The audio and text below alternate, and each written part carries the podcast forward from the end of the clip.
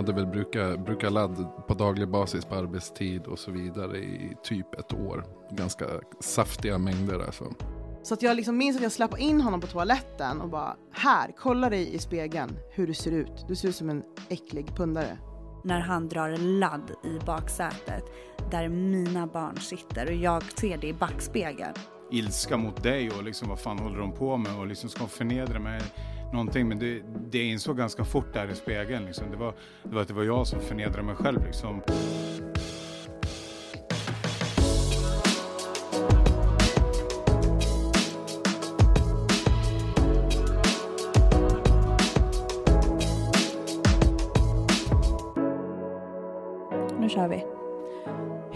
Hjärtligt välkomna ska ni vara till Sexkartellen featuring La Sandrita Show. Det här är alltså podden där vi kommer beröra allt som är roligt, allt som är snuskigt, allt som är jobbigt och allt däremellan. Vad heter våran podd idag? Eh, jag heter Fredrik. Nej, vad heter podden? Det har jag inte en fucking aning om. Ofiltrerat. Ofiltrerat? Det var ju du som kom fram med det. Liksom. Du får inte röra dig nu när du pratar. Eller? Ofiltrerat. Okej, poddavsnittet nummer två som heter Ofiltrerat. I studion idag har jag min sidekick Emily, min, eh, min vackra chilenska. Och jag har också med mig hennes partner som heter Alex. Och så har jag med mig en gammal god vän som heter Fredrik. Välkomna ska ni vara till studion. Tack. Hur känns det att vara här? Ja, lite, lite excited sådär eller? Ja, Aningen. aningen. Men det, känns, eh, det känns bra. Det ska bli spännande det här faktiskt. Kul att se Så, vart det leder. Ja, verkligen. Nu är det som så att eh, första avsnittet så pratade vi lite grann om allt möjligt mellan himmel och jord, men vi berättade också om att vi skulle gå in på ämnet som rör destruktiva relationer, ämnet som rör till exempel osunda relationer. Mm. Och därav har vi bjudit in Emelies partner Alex och min barndomsvän Fredrik. Yes. Ja, och jag tänker så här. Vi börjar med paret. Jag skulle vilja veta lite mer om eran bakgrund. Alltså, hur länge har ni varit tillsammans? Vi har varit i varandras liv i fyra år. Ganska exakt sådär nästan. Japp. Och de här fyra åren har varit eh, toppar och dalar vad jag har förstått. Mycket toppar, väldigt mycket dalar. Ja, turbulent. Turbulent. Det har inte varit någon dans på rosor riktigt, Nej? kan vi säga. Okej, om vi börjar så här då. Eh, vad, vad var det som gjorde att du blev eh, kär i Emily?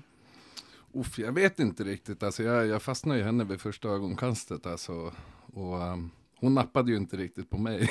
utan jag fick väl kriga mig fram lite. Så. Men eh, nej, det var väl första hennes utseende. Liksom. Alltså det yttre ger ju alltid insidan en chans. Liksom. Så det var väl där det började. Någonstans. Vacker liten chilenare liksom. Rödhat. Ja, men vad, vad var det liksom, vad var det mer som gjorde att du klickade med henne? Nej men personen hon är liksom någonstans. Hon har skinn på näsan och det, det diggar jag liksom. Hon är inte den som är den. Hon säger ifrån när det, när det är så. Ja. Och du då Emily, vad var det du föll för hos Alex? Som sagt, i början var jag ju inte riktigt med på det tåget. För jag matchade med honom på Tinder för att ge bort honom till en kompis. För han var inte min typ. Ehm, gick på en dejt. Sen var det Ehm, kört. Sen sa jag det till min kompis att det här kan bli farligt. Jag undrar, vad gjorde ni på dejten? Vi var ute och käka. Turkisk mat var vi. Eller Ja. turkisk restaurang. Sen gick vi till eh, biljardställe i Skanstull. Och jag hade rött läppstift den dagen. Och det vart inte så mycket biljardspelande och jag såg ut som Jokern. Mm, kan vi säga. Jag undrar om hans, eller jag undrar rättare sagt om dina röda läppar hamnade på hans nedre parti innan den här dejten var över. Ja, på mitt initiativ bör tilläggas. Under dejten. Nej, utan det, det, efter vi var klara med våran dejt så skulle jag vidare på nästa dejt. Ehm, och bad henne i ganska iskallt om att hon skulle skjutsa mig dit. Och eh, i bilen så fattade väl hon det här någonstans och... har Nej, nu, Nej, lugn. okej. Så här var det. Han frågar mig, kan du snälla köra mig till Bob Anchor på Sveavägen för jag ska träffa en kompis? När en kille säger jag ska träffa en kompis, det är aldrig en kompis. Och så sa jag det att, okej, okay, vad är det här för kompis? Vadå, är våran dejt slut nu tre timmar senare? Mm. Ja, men det är bara en kompis. Mm -hmm. Så det slutar ju med att jag kör honom till det här Pub Anchor på Sveavägen. Men jag gränslar dig i bilen och bara jag ska ha en kyss innan vi skiljs åt. Ja. Latina spelar like. Ja. Och, och då... Vad var det killen sa? Latina är ju orrar. Nej, förlåt, förlåt. Och mm. därefter så vart det inte att han gick in till den här kompisen, utan vi åkte till ett hotell i Sumpan. Ja, vi såg över valmöjligheterna, vart ska vi ta oss liksom? Ska vi dit, ska vi dit, ska vi dit? Och vi hamnade på ett hotell i Sumpan. Tror det kostade 2 6. Ja, det var inte så här något som kostar, det finns ju sådana här hotell i Stockholm som tar betalt per timme. Typ ja, 150 nej, nej, nej, nej, nej, nej. Och saken var ju den, jag var ju på mitt utslussboende under den här tiden, så jag, jag hade jag hade bara, vad ska man säga, permission fram till nio på morgonen dagen efter liksom. Och till de som lyssnar som inte vet vad ett utslussboende är, vad är det för någonting? Det är halvvägshus efter att ha suttit en volta liksom. Och vad är en volta? Ett fängelsestraff. Ett fängelsestraff liksom. Ja. Så. Vi måste vara tydliga här, för alla vet inte allt. Men nej, man nej. kanske kan lära sig ett och annat i det här avsnittet.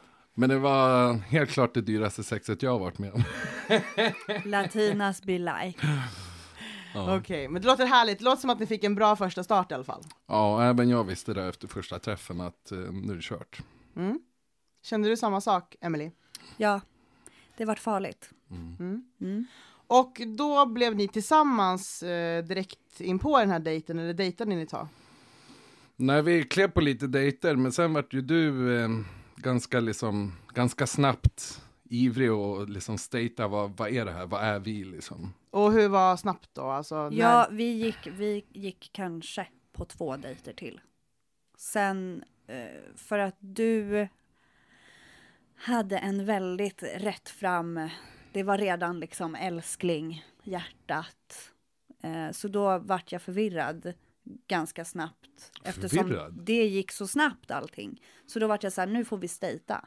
Mm. I november kom jag med det. Ja, och vi, vi, träffades i mitten av oktober. Mitten av oktober. Vilket år var det här nu då? 2016. Ja. ja. Okej, okay, så hur länge var liksom er relation eh, bra eller fantastisk eller så här nykär? Det är den Nej, fortfarande. den är den fortfarande. Ja, nu, ja. Lika nykär idag och har väl alltid varit under tiden vi har varit tillsammans trots att det har varit ganska dyssigt liksom. Så är det. Och det är mm. det jag älskar med oss, just att vi har det här nykära än idag liksom. Och då, då, det tycker jag är jättefint. Och jag ser ju liksom, som, jag, som vi pratade om tidigare i avsnitt ett, är att när man tittar på er idag, den resan ni har haft till vart ni är idag, så är det fantastiskt att se er två tillsammans som par. Man ser ju verkligen att ni är kära i varandra, ni är gulliga, ni är roliga, ni bjuder på er själva och ni har kul ihop. Mm. Det är en väldigt passionerad relation. När började det gå snett? Och vad var det som hände? Vad kan ha varit? Första, det var väl typ... 2017. Var det kräftskivan va?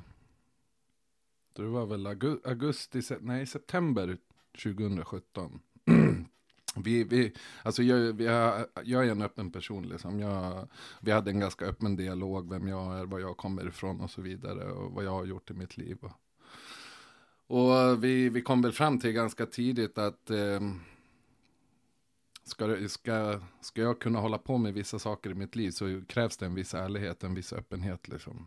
Eh, men på kräftskivan vi hade hemma så gick jag ju bakom ryggen där. Och du kom ju på mig i stundens hetta Ja. Ja. Och vad var det som skedde då? Grejen är så här att det tog jag ju upp i avsnitt ett. Att ehm, eh, beroendesjukdomen är present i, i våran relation. Men eh, det som hände då var att du tog ett återfall mm. eh, bakom ryggen på mig mm. på den här kräftskivan i en bil eh, utanför med en bekant. Och jag kom på det här och fick ett, eh, ett regelrätt utbrott. För att för mig var jag jättetydlig med att eh, det är nolltolerans för att eh, jag har ett barn. Och jag har redan haft osunda relationer eh, och det finns inte plats för droger i mitt liv. överhuvudtaget. Det var det som hände. Och eh, mitt utbrott, jag vet inte om det triggade någon form av skamrädsla eller vad det nu var. Men eh, efter det så började det ske fler och fler återfall bakom min rygg. Mm. Eh, utan att jag fick nys om dem. Eh, tills det kom till bristningsgränsen, maj 2018. 5 maj för att vara exakt. Eh, kukade det ur fullständigt. Och vad var det för droger då som du tog bakom ryggen? De här återfallen? Ja, det, var, det var väl först och främst eh, gräs då liksom. Ehm, men sen eskalerade det till kola och ja, det var kola, gräs, alkohol också. Alkohol är en drog liksom, så är det. Ja. Mm. Men eh, det blev ju mer och mer sporadiskt och mer ett dagligt bruk liksom. Och sen blev det även att du eh, tog eh, kokain eh, på arbetsplatsen. Jo men alltså mer dagligt bruk, Ja. det blev ju på daglig basis liksom. Mm. Och när började du märka personlighetsförändringar hos eh, Alex? Det tog ett tag i och med att eh, jag har aldrig levt under sådana förhållanden innan. Mm. Eh, Det här var första gången, det var all new liksom. Mm. Jag var en liten rookie. Ehm, och eh, det gjordes också, det är fel att säga det så, men så snyggt. För det gjordes aldrig liksom tydligt, alltså aldrig, fram, alltså aldrig när våra barn eh, var hemma. Eller när vi, för vi har varannan vecka, Mm. har alltid haft. Ehm, så det gjordes aldrig när barnen liksom var närvarande eller om de fanns med på något sätt. Så att de har ju aldrig blivit lidande av det så. Men, men så det tog ett tag innan jag märkte av det. Eh, det var just när jag åkte till Göteborg över helgen. Du skulle ha följt med. Mm. Eh, men bröt tån Från ett raseriutbrott. från ett raseriutbrott. Och det var nog där jag började märka. Han blev, han blev förändrad i sitt temperament. Eh, fick raseriutbrott, blev väldigt defensiv om jag frågade eller ifrågasatte någonting. För jag började märka det här att han var jättedefensiv, gick till attack, kunde börja skrika, eh, bete sig illa, dra hemifrån, kasta grejer och då, då, då, då var det för mig eh, konstigt för det var inte den mannen jag träffade. Mm. Eh, och han hade varit ärlig och öppen med att den här problematiken har funnits, men inte längre. Ehm, så att där började jag väl undra, och det var när jag kom hem från Göteborg som jag kommer Du drog hem. väl tidigare också till och med va? Nej, jag kom hem på utsatt tid, men jag kom hem från Göteborg, barnen var hos sina andra föräldrar och du ligger hemma helt påtänd. Jag öppnar dörren och han är helt påtänd. Det var det sjukaste jag har varit med om. Eh, och det var Och hur, hur märkte du då att han var påtänd? Alltså han var påverkad på... Ja, vad fan var det den kvällen? Det var alla dess lika alltså. Du hade proppat i dig det mesta för att hon var borta. Ja, Mm. eh, det var inte planerat riktigt så, utan det bara eskalerade mer och mer under kvällens lopp, över nattens lopp, morgon, morgonen. Liksom. Jag kom ju hem klockan 17 och Mm. du var helt stekt. Mm. Mm. Och den attityden du hade, du, han ligger och tittar på mig och hånflinar och liksom viftar med handen och bara jag tänker inte snacka med dig, stick härifrån.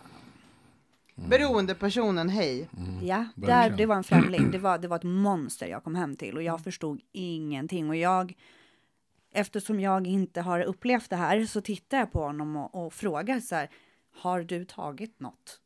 Och han direkt defensiv, hur kan du säga så? Hur vågar du anklaga mig för det här? Det är typiskt eh, att bli defensiv. Mm. Så när det här hände då, då, då börjar ju saker och ting eskalera.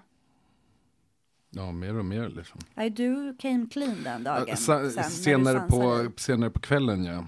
Ehm, ja, hade väl brukat bruka ladd på daglig basis på arbetstid och så vidare i typ ett år. Ganska saftiga mängder alltså. Du tog alltså kokain på daglig basis. Ja, och det här, alltså, någonstans så käkade det upp mig också från botten av mitt hjärta liksom. Det, jag visste att det jag gjorde var fel och så fort laddet gick ur så då, då kickade ju ångesten in liksom. Eh, och det här, att det ändå tog ett år innan det åt upp mig helt och hållet är lite sjukt liksom. Men eh, där, jag hade ingen annan valmöjlighet liksom. Jag behövde lägga alla kort på borden och det fick bära eller brista. Jag, jag trodde hon skulle sticka den kvällen, 100%. Men jag bröt ihop och la fram som det var, som det har sett ut liksom. Och då fick du åka upp till Dalarna. Mm. Mm. Var det på ett behandlingshem då eller? Nej, jag försvann iväg en liten period liksom. Så, Mm. Till din eh, till, till familj. till lite familj. Eh, och det behövdes. Jag behövde tid Mm. att landa. Jag behövde Men gjorde ni slut då eller tog ni liksom som en break? Nej. Utan vi behövde, jag behövde bara få honom centrerad, att han skulle landa och verkligen komma bort ifrån, för det är ju för dig platsberoende. Mm. Han hade ett umgänge här som han inte skulle ha. Mm. Eh, Så jag behövde få bort honom, jag behövde landa, jag behövde tänka i och med min situation, min dotter. Eh, Jag kan inte ha henne i, så, i något sånt. Vi eh, möttes upp två veckor senare, samtalade, kom fram till att det är nolltolerans. Det här Mot går allt. inte mot allt. Alkohol också, för du blir förbytt. Du blir personlighetsförändrad när du dricker. Mm. Du blir verkligen, you're a mean drunk. Men är han också då som så, eftersom han har en beroende personlighet så kan inte han dricka en öl eller en drink utan han går All in. all in. Ja. All in. Och det är ju alkoholen som triggar laddsuget. Mm. Kokainsuget. Mm. Eh, Så att vi tog noll tolerans på allt. Och det höll ett tag. Men eh, alkoholen började smyga sig in sakta men säkert. Eh, började märka att våra spritflaskor eh, fylldes med vatten istället. Mm. Eller så. Ehm, och sen eh, hade vi ett fruktansvärt nyår. Nyåret 2018 när vi inte hade barn. Där blev jag kallad för allt i boken och jag var nykter den kvällen och körde och där, du, när, när han drar ladd i baksätet, där mina barn sitter och jag ser det i backspegeln på motorvägen i Södra länken, jag minns det så väl för jag vänder mig om och du vet så här, ganska hög hastighet och så här, vad tror du att du håller på med? Mina barn. Då vart det mina barn. Mm. Åker i den här bilen och han direkt defensiv igen. Hur vågar du anklaga mig för något sånt? Jag skulle aldrig din äckliga jävel. Allt i boken. Allt i boken och jag såg att du, att du drog ju under läppen liksom så. Ni hade den på, på mobilen. Det var så äckligt och därefter så gick det väl bara utför. Därefter, alltså efter det årsskiftet så gick det bara utför. Det bara kom mer och mer lögner. Det var mer och mer alkoholintag. Eh, han blev en främling för mig. Han blev en förbytt person. Jag levde med en främling. Det var jätteobehagligt. Din blick var inte densamma. Ditt kroppsspråk var inte detsamma. Du fick vredesutbrott, kastade grejer. Jag förstår inte hur, men du lyckades ju hålla dig väldigt sansad och, och kärleksfull mot barnen. Och jo, de upplevde ingenting sånt. Men den Men- personen du träffade och blev kär i, Var inte kvar nej. Alls. Och det är också väldigt viktigt att vi poängterar och vi kommer garanterat prata mycket mer om det också framöver. Men att det är ganska viktigt att dels att ni som lyssnar förstår att eh, folk som har missbruksproblem har en sjukdom. Det är en sjukdom. Och att man kan vara en person när man är nykter och en annan person när man är i sitt missbruk. Och Ja. det är ju extremt vanligt. Men jag frågar dig, Emily, Och så, där- så, så att de som lyssnar kan förstå, för det kommer garanterat sitta tjejer och känna igen sig i det här, och vissa som absolut inte förstår någonting. Eh, så hur mår man inombords, alltså känslorna när man är tillsammans med en partner som liksom missbrukar? Vad får det en att känna? Jag tror att det är väldigt individuellt. Men jag kände ju eh, rädsla över hans reaktioner. Vad kan komma att hända? Ehm, skam. Är det mig det är fel på? Varför kan jag inte liksom hjälpa honom? Varför räcker inte jag och barnen till? Maktlöshet. Ja, en otrolig maktlöshet. Um, ilska, sorg, uh, otillräcklighet, värdelöshet. Alltså allt, you name it. All in the book. Och de säger ju också att personer som lever med eh, en nära anhörig, om det så är ens barn, partner, pappa, mamma, vad det nu än är, när man lever med en person som har ett missbruksproblem så blir man sjuk själv. Man blir medberoende. Medberoende. Man blir medberoende, så är det. Och det vart jag. Ehm, till viss del. För, för att jag accepterade det aldrig så riktigt. Men eh, jag har aldrig enablat så. Men, men man blir medberoende. Och sen hade jag också en rädsla för mina barn. Alltså jag vill inte att min dotter ska växa upp i det här. Jag vill inte att min son ska växa upp i det här. Jag vill inte att min dotter ska tro att det här är liksom ett värdigt liv. Eller normalt. Nej, exakt. Det, det, det, det, det var jättejobbigt för mig att försöka hålla näsan ovanför vattenytan och, och, och, det som blev är ju, då kommer vi in på det här med otrohet och sex och det, att det kom ju in, det är så mycket mer, det är ju inte bara att knarka lite Nej. eller mycket, utan det kommer ju som, det är ju lögner om liksom, ja men alltså, man börjar, han i ditt fall då, började skriva till brudar på Instagram, började använda Instagram som Tinder i princip. Mm. Eh, började ljuga om vart han var, vem han var med. Eh, allt blir lögner. Allt blir lögner, han börjar ragga, han börjar söka bekräftelse, för det är också en del av hans sjukdom. Du har jättestort, det är en jättestor del av din sjukdom, att du söker bekräftelse från då andra brudar och, och, och så, och vill liksom känna sig duktig, bra, liksom manlig. Um, så det var mycket sånt också, dra iväg och försvinna. Och, ja. Men har, har, eh, jag frågar dig Alex, har du någonsin varit fysisk mot uh, Emily? Aldrig.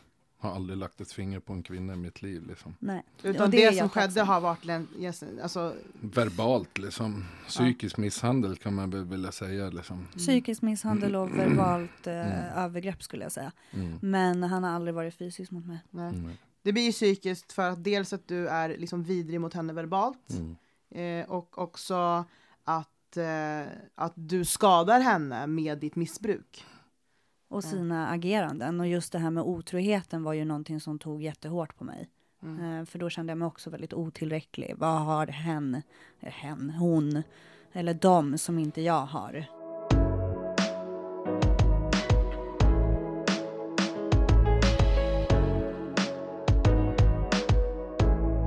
Jag vill också att vi ska prata med eh, Fredrik som sitter här i studion.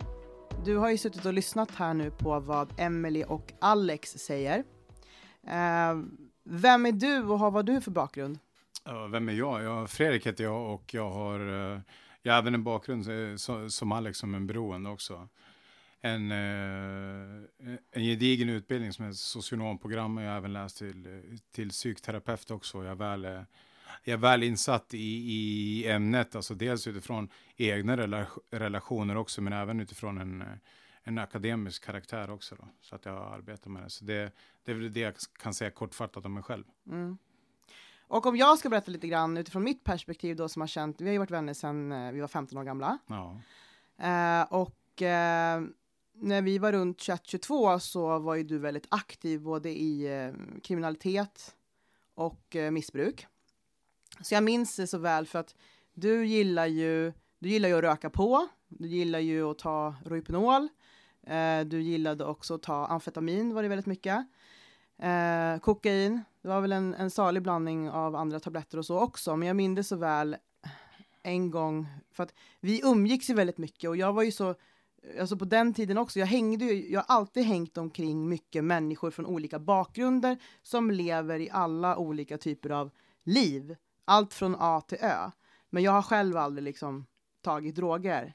Eh, och eh, då var det som så att eh, jag liksom kom till ett stadie där jag såg min vän Fredrik liksom så svettig, blå i hela munnen, blå, blå på läpparna för att han hade ätit så mycket Rohypnol-piller, tabletter, vad säger man?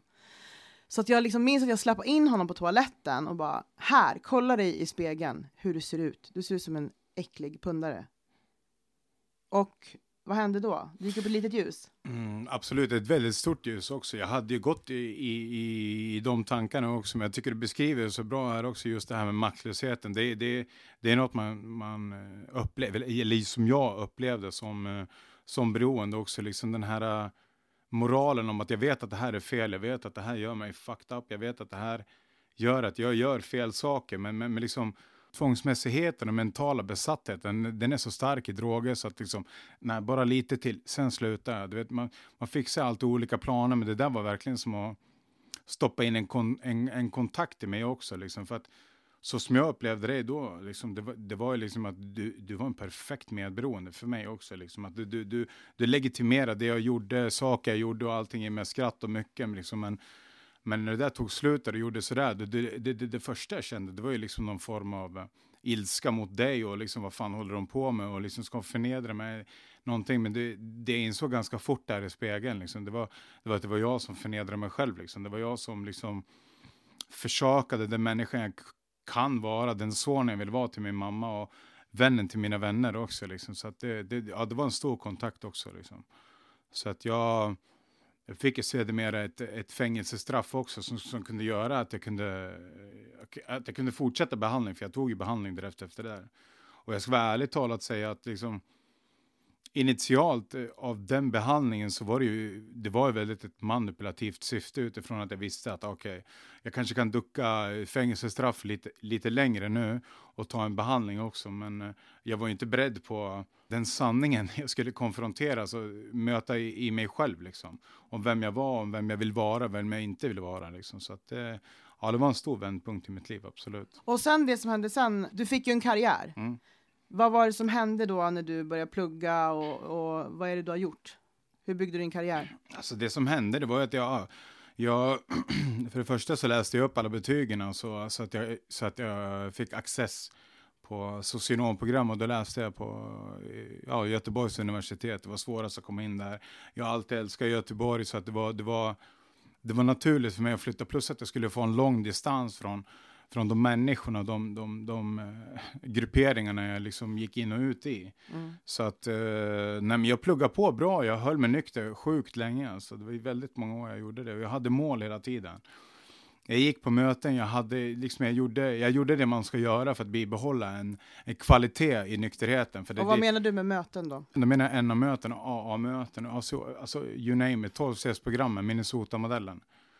Det är det liksom. Och när jag väl höll det så kunde jag hålla en, eh, en fokus. Jag kunde hålla e-, ett perspektiv. Jag kunde hålla liksom, jag kunde fullfölja det jag ville göra och, och alltså nå de målen jag hade satt upp. Och då började du jobba med, du får ju berätta, du får säga hur mycket du vill berätta vad du har jobbat med, men alltså ja, vilken absolut, bransch det har du gjort? Det kan jag, ja, ja, ja, jag, jag, läste, jag läste till socionom, jag läste upp till, till, till psykterapeut sen också, jag läste jag hade ett ganska bråkigt belastningsregister om man skulle kunna säga så. Så att jag fick jobb i, i, Göteborg då i Biskopsgården. Liksom, för där, där, det var knappt någon som ville jobba där, där och då. Och vad liksom, är då Biskopsgården för de som Biskopsgården, inte vet? det är det stället där det skjuts i. Det, det, det är stället där det händer grejer liksom. Så, mm.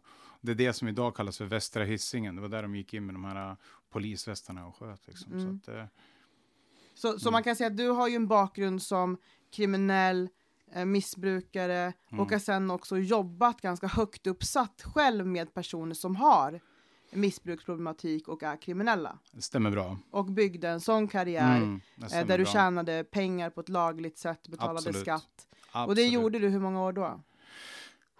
Jag gjorde det till uh, den 26 april 2018 så sålde jag min del i en, i en, i en större koncern här i Göteborg.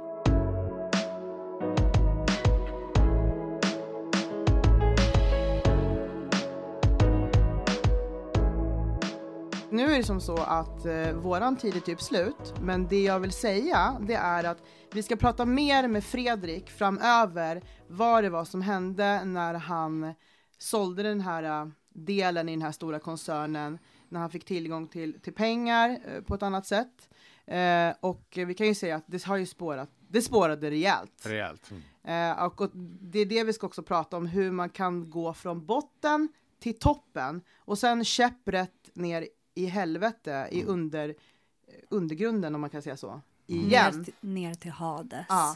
Mm. Och det ska vi fortsätta prata med er två om också. Vad hände sen efter att ni eh, hade ett helvete? För ni har ju hittat tillbaka till varandra idag. Mm. Och det är det jag tycker vi ska tangera mer. Men det där var ju bara en bråkdel av helvetet som var. Liksom. Ja. Det är det. Och vi ska prata mer om ert mm. helvete. Men och jag hoppas att Fredrik kommer tillbaks. Du måste komma tillbaks och berätta liksom resten. Och sen tycker jag att det är bra att ha med dig liksom i, ett, i ett expertområde också, som du faktiskt eh, besitter. Så att jag vill tacka er väldigt mycket för att ni kom hit till eh, Sexkartellen featuring La Sandrita Show som också tangerar seriösa ämnen. Jajamän. Tack för att du komma. Ja, tack så hemskt mycket.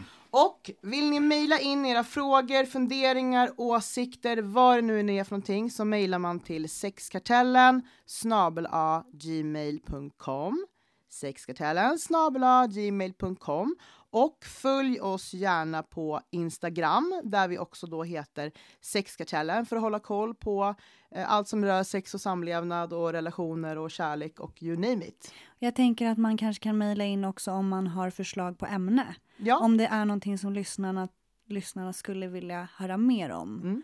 Så kanske man kan ta upp. Precis. Vi har ju säkert lyssnare som sitter och känner igen sig i Emily och Alex och säkert i Fredrik också. Eh, utifrån alla olika typer av perspektiv. Så har ni frågor gällande de här personerna eller liksom om ni befinner er i situationer där ni kan relatera så är ni välkomna att höra av er till sexkartellen gmail.com. Och tacka alla som lyssnar. Tack för att ni var med! Tack.